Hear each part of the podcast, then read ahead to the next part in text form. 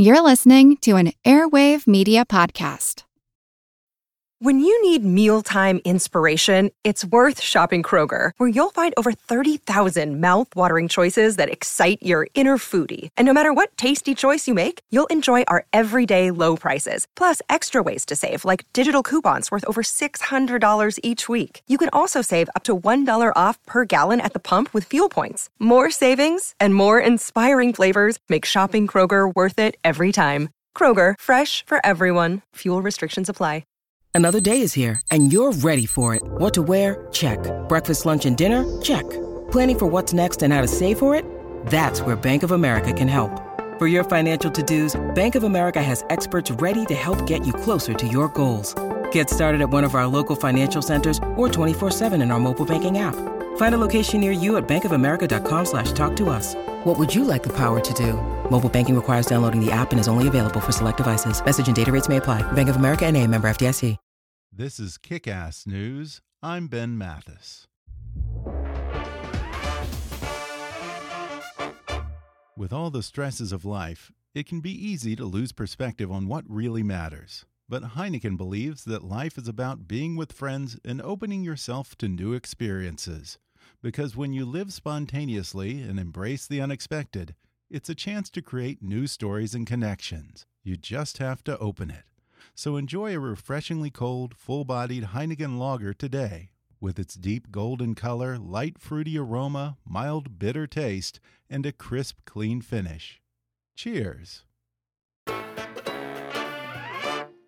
Hi, you've reached Bob Mueller on my personal line. I can't come to the phone right now, so leave me a message and I'll get back to you as soon as I can. Oh boy. Okay. Hi, this is David Dennison. Uh, listen to me. You don't know who this is really. It could be anyone, but it's a block number, so how will you even be able to tell? Now, let me tell you, many people are saying that you're going too hard on Trump, and what you need to do is lay off, and then he'll talk to you. He wants to talk to you, but he wants to talk to you about all kinds of fun things, like what's going on on The Voice, or can you believe Big Bang Theory got two more seasons? There's plenty of fun things to talk about, but my friend Sean Hannity says I should stop talking to you or calling you. I mean, not my friend. Uh, I don't know. Uh, goodbye. That was comedian Anthony Atamanuik as Donald Trump in the audio version of his new book, American Tantrum The Donald J. Trump Presidential Archives a devastatingly hilarious satire in which the creator and star of Comedy Central's acclaimed The President Show opens the vault and imagines Donald J. Trump's presidential archives, exposing documents from his childhood in Queens and his time in military school, all the way up to his time in the Oval Office and more. And today, Anthony Atamanuik returns to the podcast to talk about it.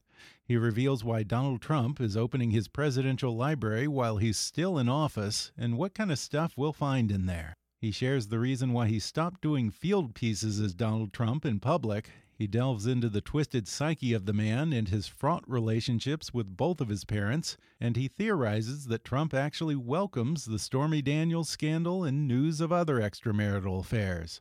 He talks about his new Comedy Central special, a President Show documentary, The Fall of Donald Trump, and gives us a glimpse of what's in store for the 45th president. And then I get the president himself, well, sort of, to weigh in on Justice Kavanaugh's first few weeks on the Supreme Court, how Melania is handling the Stormy Daniels scandal, and he even reveals who he thinks wrote the anonymous op ed in the New York Times. Coming up with the hilarious Anthony Atamanuik in just a moment.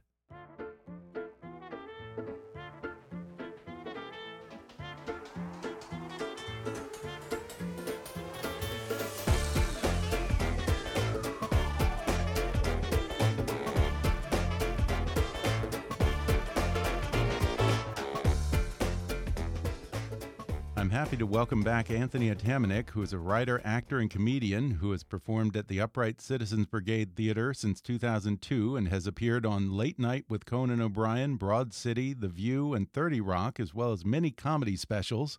But you know him best as the star of Comedy Central's The President Show, where he delivers his deadly sharp impression of Donald Trump. He's once again captured the voice of the great Orange One in a new special called A President Show Documentary The Fall of Donald Trump, which airs October 22nd on Comedy Central, and a humorous new book called American Tantrum The Donald J. Trump Presidential Archives. Anthony Atamanuik, welcome back to the podcast. Thank you. Thank you for having me, Ben. Well, it's been over a year since we last talked at Politicon. In that time, do you think that you've come any closer to figuring out what drives Donald Trump, or have you learned anything about him since then?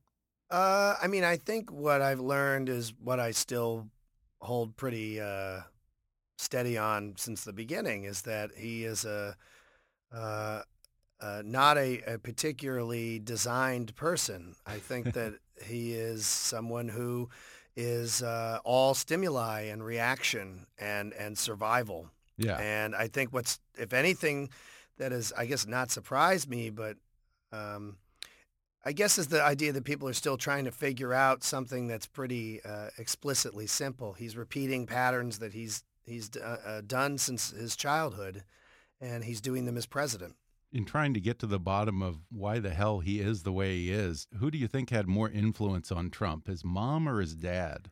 Um, I think that what's interesting is I think his brother had a lot of influence on him. Really? And I think yes, I think that he, uh, uh, in the sense of maybe a bit of admiration and rejection at the same time. I mean, he's told enough stories, and I know some stories about his brother from. Uh, when he joined a Jewish fraternity at the school he went to just despite his father.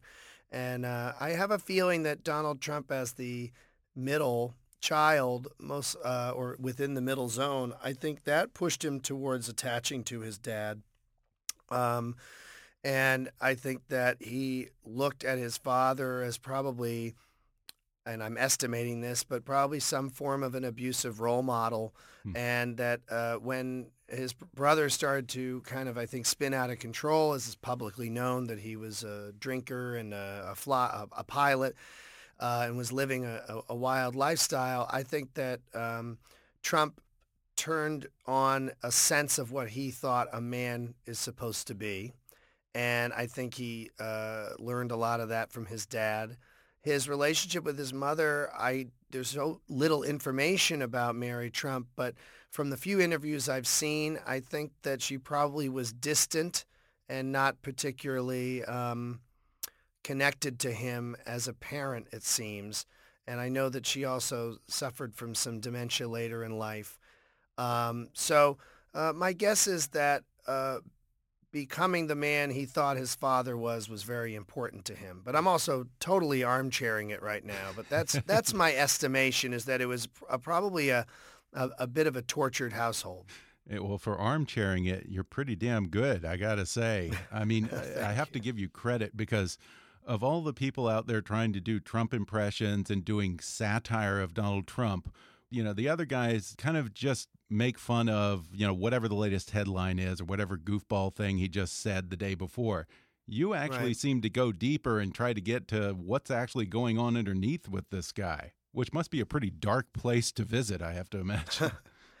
it is a dark place to visit. I mean, it's an interesting mix of the sort of dark interior and the sort of surface ego construct of of, of seemingly kind of not caring and, and, and, and forgetting the first or the last thing he said and and and and you know uh, yesterday when he said he never said he would donate a million dollars if Elizabeth Warren took the DNA test. It's like his indifference to caring about whether it was true or not means that there's this entire interior narrative he has that is not spoken, that he's living with himself, that excuses and validates his, his behavior. Mm-hmm. Um, and in writing, you know, when I was writing uh, American Tantrum, uh, you know, I had the same rule at my show, and I have it with the book, which is that I won't allow Trump to run me. We run Trump in the sense that I am not interested in following whatever strange thing he does next. I'm interested in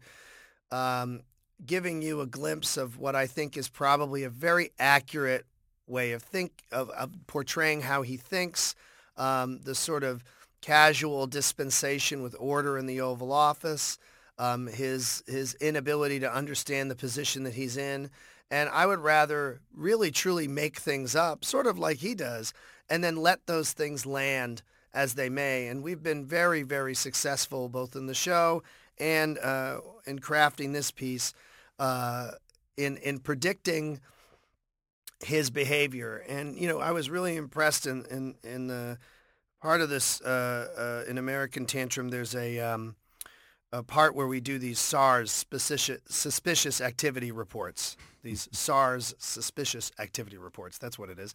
Um, and those are used at banks to determine strange uh, money withdrawals or deposits, uh, things coming from foreign actors and so on. Yeah. And we thought they were a fun piece to put in the book. And then, of course, when all this stuff about his father's money came out, we were really thrilled that it aligned directly with something that's happening now. So I, I find that it's a good equation to sort of satirize him and sort of the larger system that's mm-hmm. around him. Now, when last we talked, you discussed the fact that you think the news media had largely fallen asleep on the job, and satirists like yourself were picking up the slack and saying, Stop trying to normalize this guy. This is not okay. Do you feel like right. the media is finally starting to get some balls and do their job again by now? I think there are individuals within media who have done that. Um, I think that it's all contained within a corporate entertainment matrix, so it's sort of hard to separate them. Like, mm-hmm. you know, if if you know, uh, I think that, for instance, Joe Scarborough and Mika Brzezinski, I think, really had a, a, a true come to Jesus moment after the election. I think that they thought that they could as they've admitted, they they were you know communicating with him and hoping to sort of maybe shape or school him a bit, right? Yeah. And I think when you know he got in, he was so brutal and and and and and terrible to her, and and they think they've really turned around to uh, almost you know daily litigating um, the untruths and and uh, and sort of devastating effect that that he's had on the country and our social fabric and our moral fabric and so on. Um, but they're still as, and it's not their fault. They're within a system that is controlled by a larger entity that both has relationships with the F- uh, FCC and therefore the government, but also they want a for-profit model system, and that's CNN, MSNBC, Fox, all of them sure. are driven by for-profit models. And until you create a firewall between that uh, and allow uh, the news to be a loss leader so that they can actually report and, and I mean imagine a 24-hour cable channel where there's you know in-depth frontline style documentaries on a lot of the less popular issues and you know a, a period for global news and and something that focuses on the you know, poverty in in, in uh, both rural and, and urban areas in the United States, or the systemic plight of, of Black Americans in the United States. Uh, mm-hmm. You know, the, the treatment of women in media and, and in work. It, it, there's so many things that could be done, but we put them through the filter of Trump. And I guess in some ways that's good in the sense that it's being spoken about and addressed and bad because I think it gets attached to him like a barnacle. And if you remove him, you don't remove the problems of our society. Yeah, and it does seem like this profit motive has pushed the media to focus way more attention on the more prurient headlines about Trump than they deserve. And I honestly yes. suspect, and I want your opinion on this, that Trump probably welcomes it when the media goes on about his affairs with porn stars and playmates because they're yes. salacious, but they're also a good distraction and they're less damaging probably than news about the Russia investigation, sexual assault allegations, its taxes, and all of the bigger issues of genuine corruption. Yeah, well, I think he's very good at that. I mean, I think that that is where he has a sort of emotional intelligence that's quite developed. Mm-hmm. And I don't know if emotional intelligence is the correct, maybe it's a street intelligence. He knows how to distract. I mean, you know, Trump in another life would have just been a guy running a shell game on St. Mark's. And I think that he knows what to gin up and when, what to bring up to distract. I mean, it's like a 12-year-old or a 14-year-old who didn't do their homework and they're trying to distract their parents from being upset that they got detention by you know, doing something worse at home in order to just take the attention off of that. Exactly. I think there's a high that you get off of negative attention, and um, I think the part and parcel to that too is the Mueller investigation. These things, you know, I also think he doesn't take those seriously as either. I Oh, just really? think he would rather those things not be in the news. But I also don't believe that he has some design that is uh, calculated to sort of distract. I think it's part of his nature. It's it's more of an instinct. Yeah. More recently, I've heard you caution liberals against unbridled hate against Donald Trump and not matching hate with hate. Uh, aside from the fact that you probably really shouldn't hate anyone, more specifically, what's your concern about unchecked Trump hate? Well, I think I just I don't really understand what it achieves. Um, I think that you know if you want in your heart and the privacy of your home, or as your First Amendment right, want to go out to the street, yell you hate Donald Trump over and over again, that's that's your right. Um, but I don't know if it I don't know if it helps us. I mean, you know, the one thing is to to in a way it's you know dehumanizing him is a bad choice because he's a human being and and he is uh, was elected by other human beings. And whether we like it or not we're all responsible for him being president.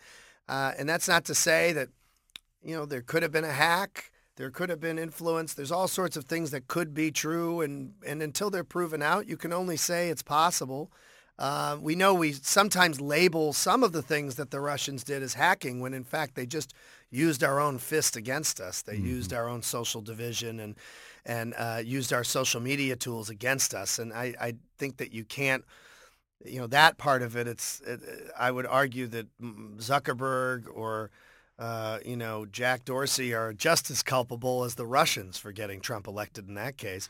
Uh, but I think that uh, uh, uh, it's just giving more energy to him. One, so if we're just talking about him, the Democratic Party, uh, and hopefully the Democratic Socialists, and, and hopefully other you know thinkers, even even libertarians, centrists, everybody, people who are thinking should be, and conservatives should who are thinkers should be coming up with what are the ideas that help the country and help our society.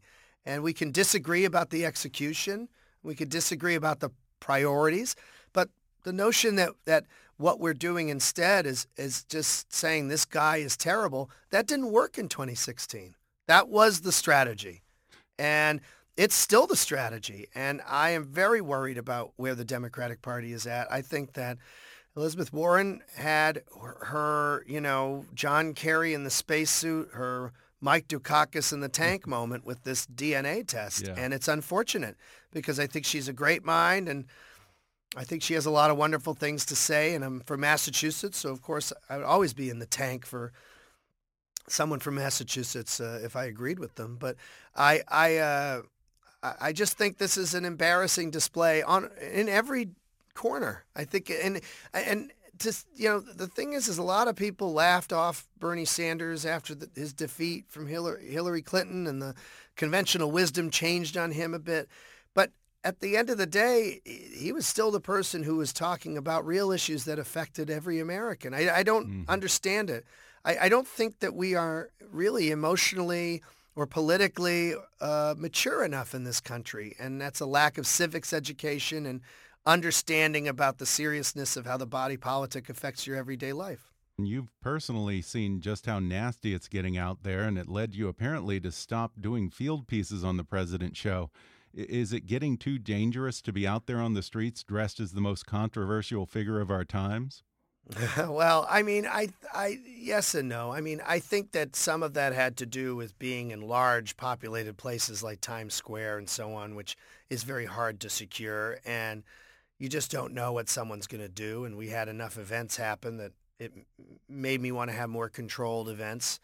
Um, I think that what's uh, more frightening to me is the um, Proud Boy and I guess so-called Antifa um, clashes that have been happening over the last few days, including the gun seizure that occurred in Portland uh, a day or two ago.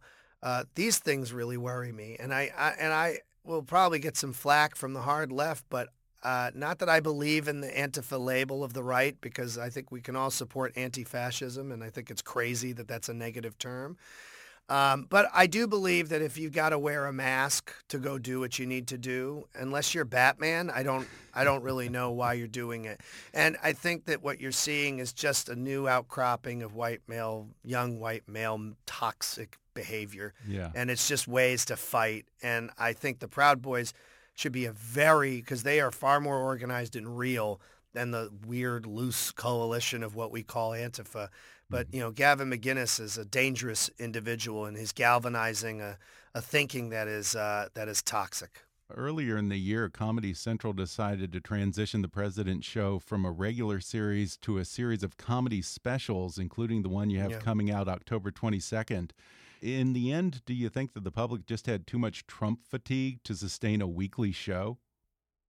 You know, I I don't. Um, No? I think that uh, my guess is that there was an advantage to having the specials and making them more of an event, and I've I've enjoyed doing the specials. Uh, but I'll be honest and say that I wanted a weekly show, and I still want a weekly show for a variety of reasons. Mhm. Um, I enjoyed uh, doing narrative work and uh, think that the live talk show format, although I loved it, um, I can understand how chasing that level of news every week was uh, definitely um, uh, a difficult haul and maybe hard, maybe for people to watch that.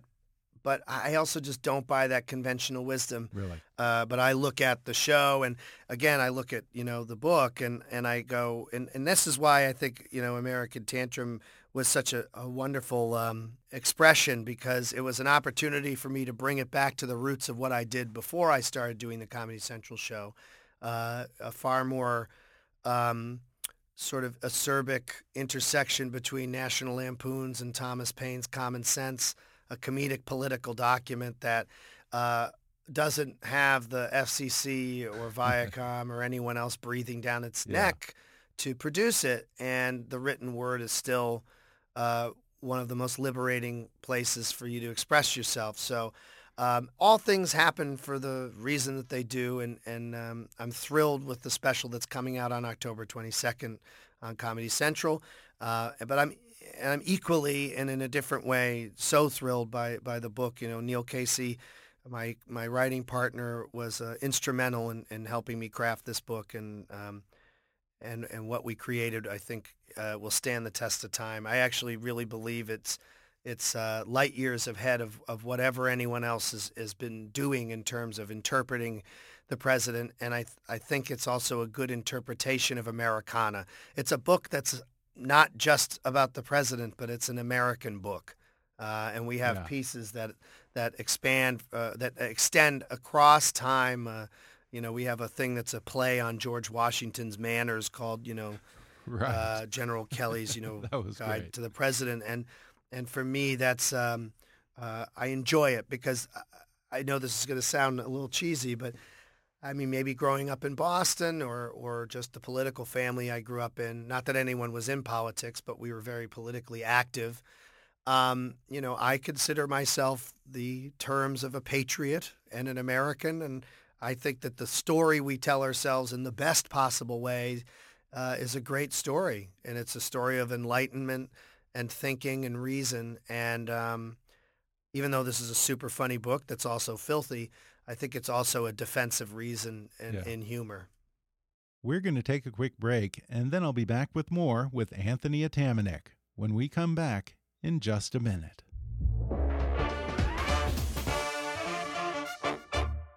Almost every day, we hear something on the news about a cyber attack. Sometimes it's just a bunch of pranksters, but more often it's a foreign country with vast cyber resources trying to hack our power grid, our banking system, or our military's information networks. The National Security Agency plays a big part in protecting our country from cyber attacks, and you can help. The NSA is hiring technical professionals to serve on the front lines of information security. If you work in computer science, networking, programming, or electrical engineering, you can help keep your country safe. Design new hardware systems and networks, write faster, smarter programs, protect America's critical infrastructure, or help uncover what our adversaries are planning to do next. Learn more about careers at the National Security Agency today. Visit intelligencecareers.gov/nsa. That's intelligencecareers.gov/nsa. Life can be stressful, and sometimes we lose perspective on what really matters. As we rush to achieve all the things we want in life, it can be easy to forget to enjoy the smaller moments along the way. But life isn't about following a common path or having a set plan. It's about being with friends, celebrating with loved ones, and living in the moment. Heineken believes that you create the richest memories when you embrace the unexpected and open yourself to new experiences. That's why Heineken encourages everyone to live spontaneously. Because when you embrace the unexpected, things like exploring new parties, enjoying the summertime, watching exciting soccer matches, and celebrating the holidays with your family all become chances to create new stories and connections. You just have to open it up. So enjoy a refreshingly cold, full bodied Heineken lager today with its deep golden color, light fruity aroma, mild bitter taste, and a crisp, clean finish. Cheers! And now, back to the podcast. You know, is an interesting contrast to watching the president show when you know that the guy that you're listening to is doing an impression of Donald Trump versus you're reading it in print and you know you just start to say to yourself this isn't so far off from reality. It's ridiculous, but it sounds exactly like the kind of incoherent Trump dribble that I might be reading in my morning news feed every day. Thank you. yeah, I, I mean, I think it's good. I think it's a good exposure in a humorous way to. Uh, I almost feel like it's like a, this is what's going on, and I think we're pretty correct. And mm. I think for people to see the phone calls, to read the phone call transcripts yeah. between Merkel and Trump, or to read his phone call to the Area 51 and his belief there's an alien in there, I think it's a great depiction of sort of probably what quote unquote executive time is. Yeah, I think it's a person I said this before, you know, eh, but you know, Donald Trump is a man who took a tour of the White House, and when he went through the Oval Office, he just sat down at the chair and stayed. You know, it's a it's a completely ignorant human being who who really has no interest in the thing that he's in. Yeah, and and and he's a he's a witnessing president. And that's it's it's astonishing. It should prove the power of our our bureaucracy, because the the country. I mean, it, this is as if you set some car uh, down a highway and just put a brick on the gas and tied a necktie to the to the wheel and just let it go.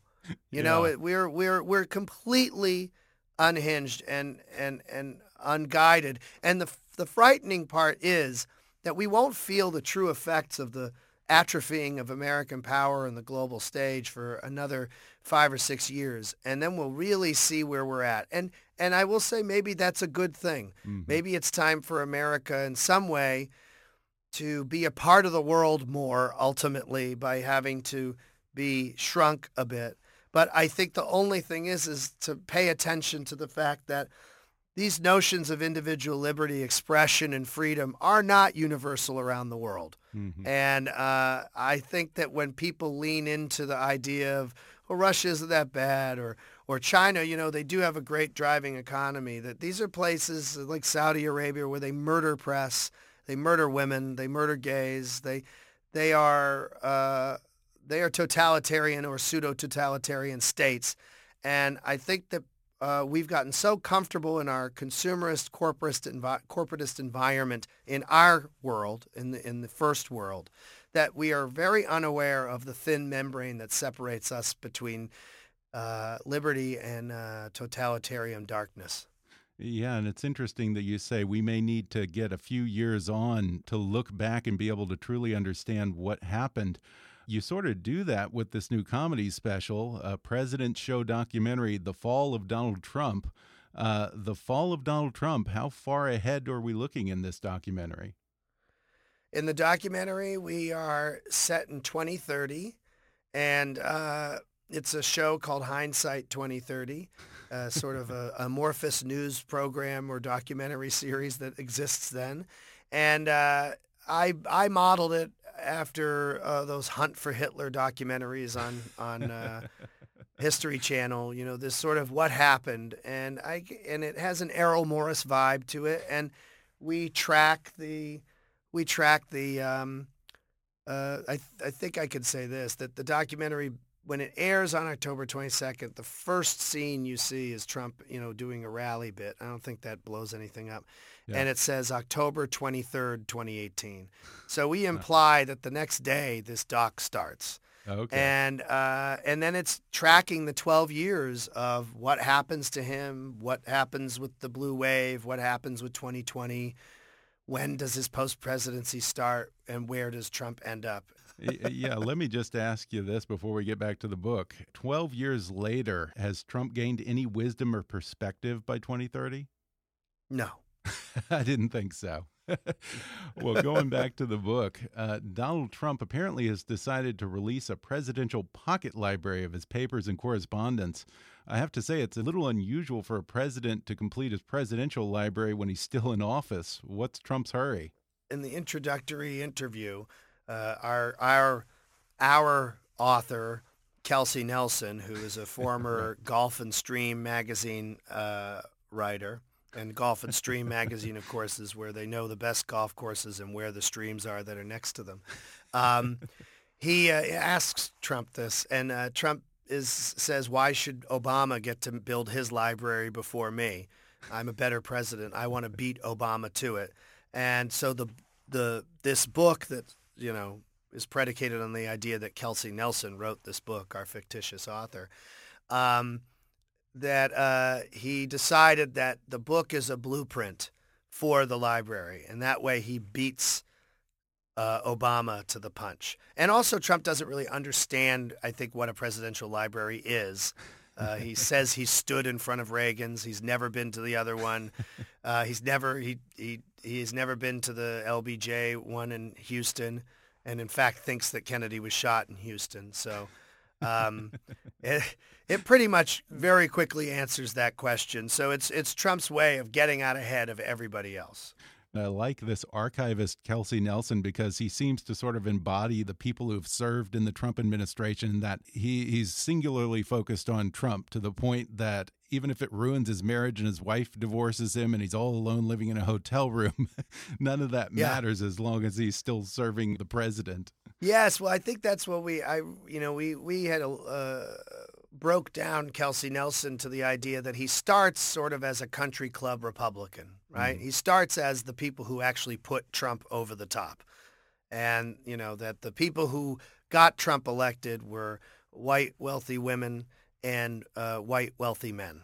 And although the media narrative is that it was the deplorables or the low income red hats that got Trump elected, that's not demographically true. And I think it does show a tone deafness of both the media class and the liberal class to, again, heap more pain and punishment onto uh, people of poverty and, and lack of means. Mm-hmm. And that's not to say that a lot of the quote unquote red hatters aren't um, sometimes displaying uh, vile behavior or, or un, unmitigated uh, rage, anger, or violence. there's elements of that. But um, the truth is is that it, it is the it's the the credit card class, the people who live like they're millionaires on you know five hundred thousand dollars worth of credit. Uh, that actually got Trump elected, essentially junior Trumpers. So that's where Kelsey Nelson starts, right? Polo shirt and khaki pants. But as Trump breaks him down over these series of interviews, which are peppered throughout the book, along with the the other phone calls and transcripts and, and other apocrypha pieces, um, Kelsey basically does turn into what we would call a proud boy. He becomes a true red hatter, a true believer, and then um, you'll have to read, but he finds his way out in some way, and um, and and hopefully, I'm writing a roadmap for uh, other people like him. Uh, yeah. To, to find their way out. And, and you know, much like people in a cult, I've, this has been something I've been saying recently, but uh, this is the Jonestowning of the United States. I mean, Donald Trump is nothing yeah. more than Jim Jones, and uh, we are in a national Jonestown now. And um, as most people who fall into cults, and, and I've known uh, folks who have who have fallen prey to that in my life and in my family, um, that uh, you know, and it's interesting that the FBI uh, and uh, uh, stopped its research uh, division for cults in the right after Waco, I think. Oh, they really? they really see, yeah they actually uh, defunded a lot of their huh. programs, And I think you can see the effect, which is that um, we have a national cult problem right now, and it's sitting in the White House. And um, we have to remember that people who join cults need to be deprogrammed, and they are in some way joining and changing their identity and losing who they are into the collective. So uh, we have to have some empathy for that. And obviously not every, I mean, I believe you have to have em- empathy for every person, even the worst person in the world. But I can understand people's limitations to have empathy for everyone. But um, I think that, uh, you know, we have to find our way to uh, forgive and heal these people and understand them. And we have to take stock of ourselves and how I think in the, the coastal cities and in the classes of people that generally work in media and work in tech jobs and so on and in the sort of white collar world, how, um, you know, how our disdain for the working class, our disdain for people who earn a regular living, our, our desire to consume and to have the phone. I just got a new phone. I'm a part of this world. Um, but like, you know, that we need to also uh, look at our cult of tech and our mm-hmm. cult of personality on our side and uh, maybe the time of the two-party system and the cult of personality needs to go away. And maybe we need to start, um, yeah. if we're going to worship anything, why don't we worship rule of law and, and, and good governance and, and helping all people? That yeah. seems like a better thing to worship. Yeah, I think that you're really on to something there because I've had a sense more recently over the past couple of years that uh, the number of independents might be growing. I certainly know the number of Republicans are shrinking, and the number of independents dwarfs both Republicans and Democrats. And yes. it seems like that may be where the country's headed. Yeah. It, we don't need someone to tell us what to think politics should be a la carte. You shouldn't just join a party and sign on to some laundry list of issues that you may not even agree with. I think that if we if we stepped away from the tribalism of party politics, I think people would understand that if they could save face and they weren't going to get rejected by the ideology that they connect themselves to, there is the possibility. I mean, I'll give you a perfect example is, uh, you know, let's look at the basic of well basics of welfare reform, food stamps uh, provisions, and and uh, the basic social safety net you know, we've been pouring our money into a system that has not evolved since it was initiated, essentially. We have not done massive evolution in what exactly it means to provide welfare or social safety net for those who can't do for themselves. Mm-hmm. We are, uh, and so the right can stand there and say it's a waste of money and there's people taking advantage of the rolls and we can play the race card in terms of you know, as George W. Bush, you know, H.W. Bush put, uh, Bush put it with the welfare queen and so on and instead look at and the Democrats defending a system because they're so afraid if the Republicans ever got their hands on it that they would just gut it completely. Yeah. So the Democrats reinforce some broken system that is taking people, uh, both people of color and white, uh, poor white folks, and sending them hours away from their home just to satisfy their work requirement for their welfare to work program, which was a totally failed idea out of the Clinton administration. We have to be free to say those things. And we have to look at, well, how do we spend our money? How do we address problems state by state? How do we create, what does welfare mean? Does welfare mean that we want to give everybody the right to have electricity, to have a home, to have the ability to sustain themselves in dignity? Does it mean that we provide a, um, a, a two-year credit towards a college degree? Do we want people to sign on to a tiered system where uh, instead of paying a loan back, what you do is when you earn over a certain point in your life because of the education or provisions you got from the welfare system, that you're going to contribute a quarter of it back into the system that helped you. There's plenty of ways to make effective and cost-effective systems that help people. But we yeah. can't do that because we don't live in a, a, uh, in a, in a society right now that allows us to actually address issues. What yeah. we live in is a society of, of, of two sides of which neither are doing anything but uh, trying to get more followers.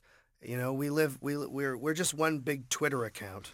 You know, I also want to mention that I enjoyed listening to the audio version of American Tantrum. You got some great talent to participate in the audio book, including Neil Casey, your writing partner, Kathy Griffin as Kellyanne Conway, and Tom Arnold. And Lennon Parham. Um, I wonder, did you talk to Tom Arnold about his hunt for yeah. the Trump tapes? Is, is he getting any closer? I will. Yes, I'll, I just want to mention that Lennon Parham as well is, yes. is in is in there. Yeah. Um, yeah. Tom Arnold. Um, yes. It, I mean, he has some. He says he has some very interesting stuff. He said the big thing is Mark Burnett, and I know he had a huge, you know, fisticuffs with him recently. Uh, but you know, he knows that Burnett has these tapes, and he's not releasing them. And uh, he uh, he gave me a couple of interesting pieces of info when he met with uh, Cohen and so on, but he also said that Cohen spun it like, you know, I don't know this guy. And, you know, Tom said, I've known him and have interacted with him for years. And, and you know, there's, there's this, you know, public relations desire to separate Tom Arnold from that. But I'm very interested to see uh, what it is, but I'll let Tom Arnold tell yeah. that story for his show. I don't want to blow his spot up, you know. Yeah, should be interesting. Well, in the last minutes here, I want to do something we did last time with your permission. I'd like to ask a few questions of Donald Trump himself. Uh, do you sure. think that you could get him to join us on the phone for a few minutes? I, I think I can. Hold on. Let me just, okay. I'll get him dialed in. Hello, this is the President of the United States. Hello, Mr. President. It's Ben Mathis of Kick Ass News. How are you doing, I don't sir? care. Whatever. what do you want to know? Uh, Mr. President, how would you rate Justice Kavanaugh's first couple weeks on the Supreme Court? Justice Kavanaugh is it's a total 10. He's a total 10 as a judge. He's hot. He cries, which I think is a huge turn on. He knows how to get hot and bothered when he wants to. And the guy can knock back some beers. And I don't drink, but you never know. When a guy gets too drunk, sometimes he loosens the belt. but the truth is, he and Gorsuch, which I insisted that they room together like Laverne and Shirley, and I hired the actual actors who played Lenny and Squiggy to live above them, and they're just having a great time. And let me tell you, Kavanaugh has got a big old boo-boo kitty. Interesting, sir. Well, have you decided whether or not you'll submit to an interview with the Mueller investigation? I will never submit anything to Mueller. Mueller could have had dinner with me, and then we could have worked this all out, and I could have told him to back off, just the way I did with Comey. And it totally worked with Comey. I mean, that guy, he left, right? Yeah. And with Mueller, I mean, this is a freaky guy. Let's just say he doesn't have to wear a costume for Halloween. He could just put two soda caps on his neck, and he's an instant Frankenstein. well, Mr. President, uh, I just have to ask a little bit about your personal life.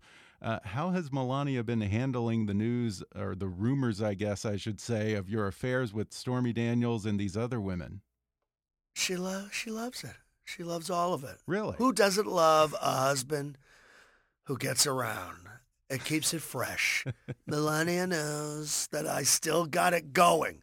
You know, I can last for like 15 seconds, and that's before I take my underwear off. Interesting. So you think that it kind of keeps the marriage fresh, huh? Well, I don't know about fresh. I mean, I think she's over 50, so there's nothing fresh about that. But Melania's in for the long haul. The truth is that if I hadn't become president, she would have hit the bricks. But I didn't want to have the first White House divorce, so now I'm stuck with her for the next six years.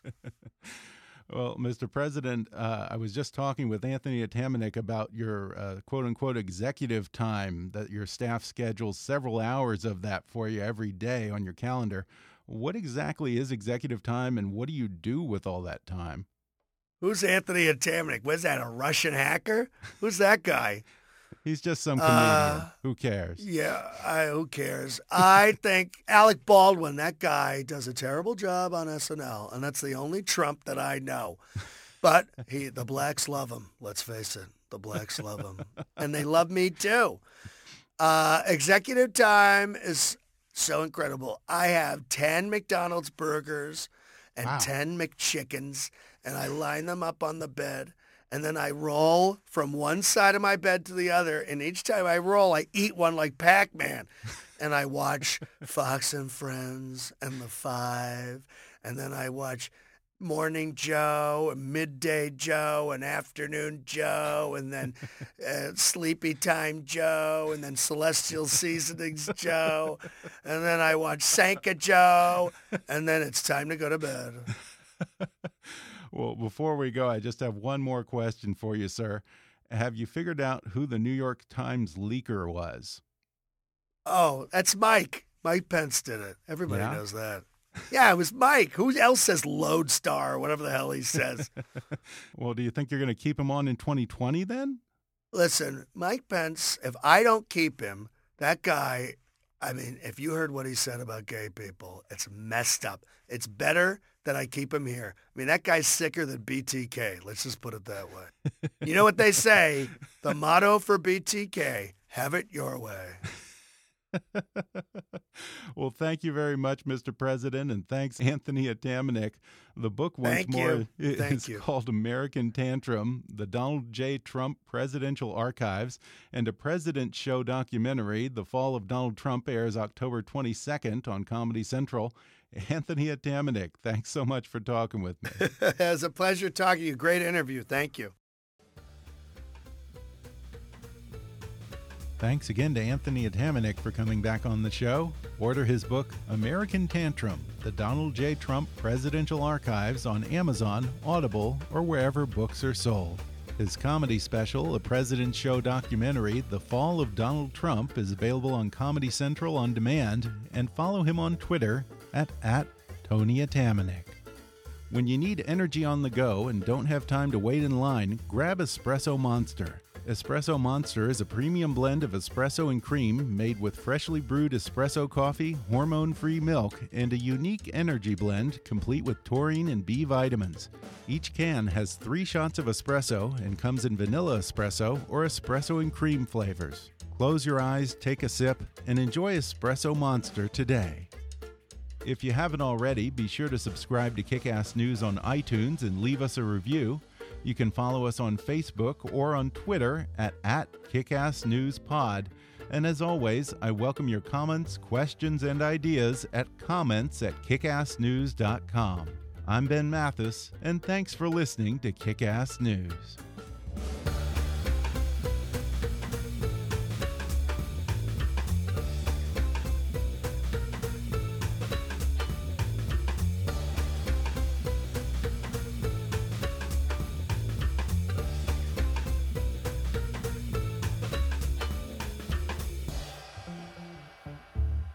Kickass News is a trademark of Mathis Entertainment, Inc.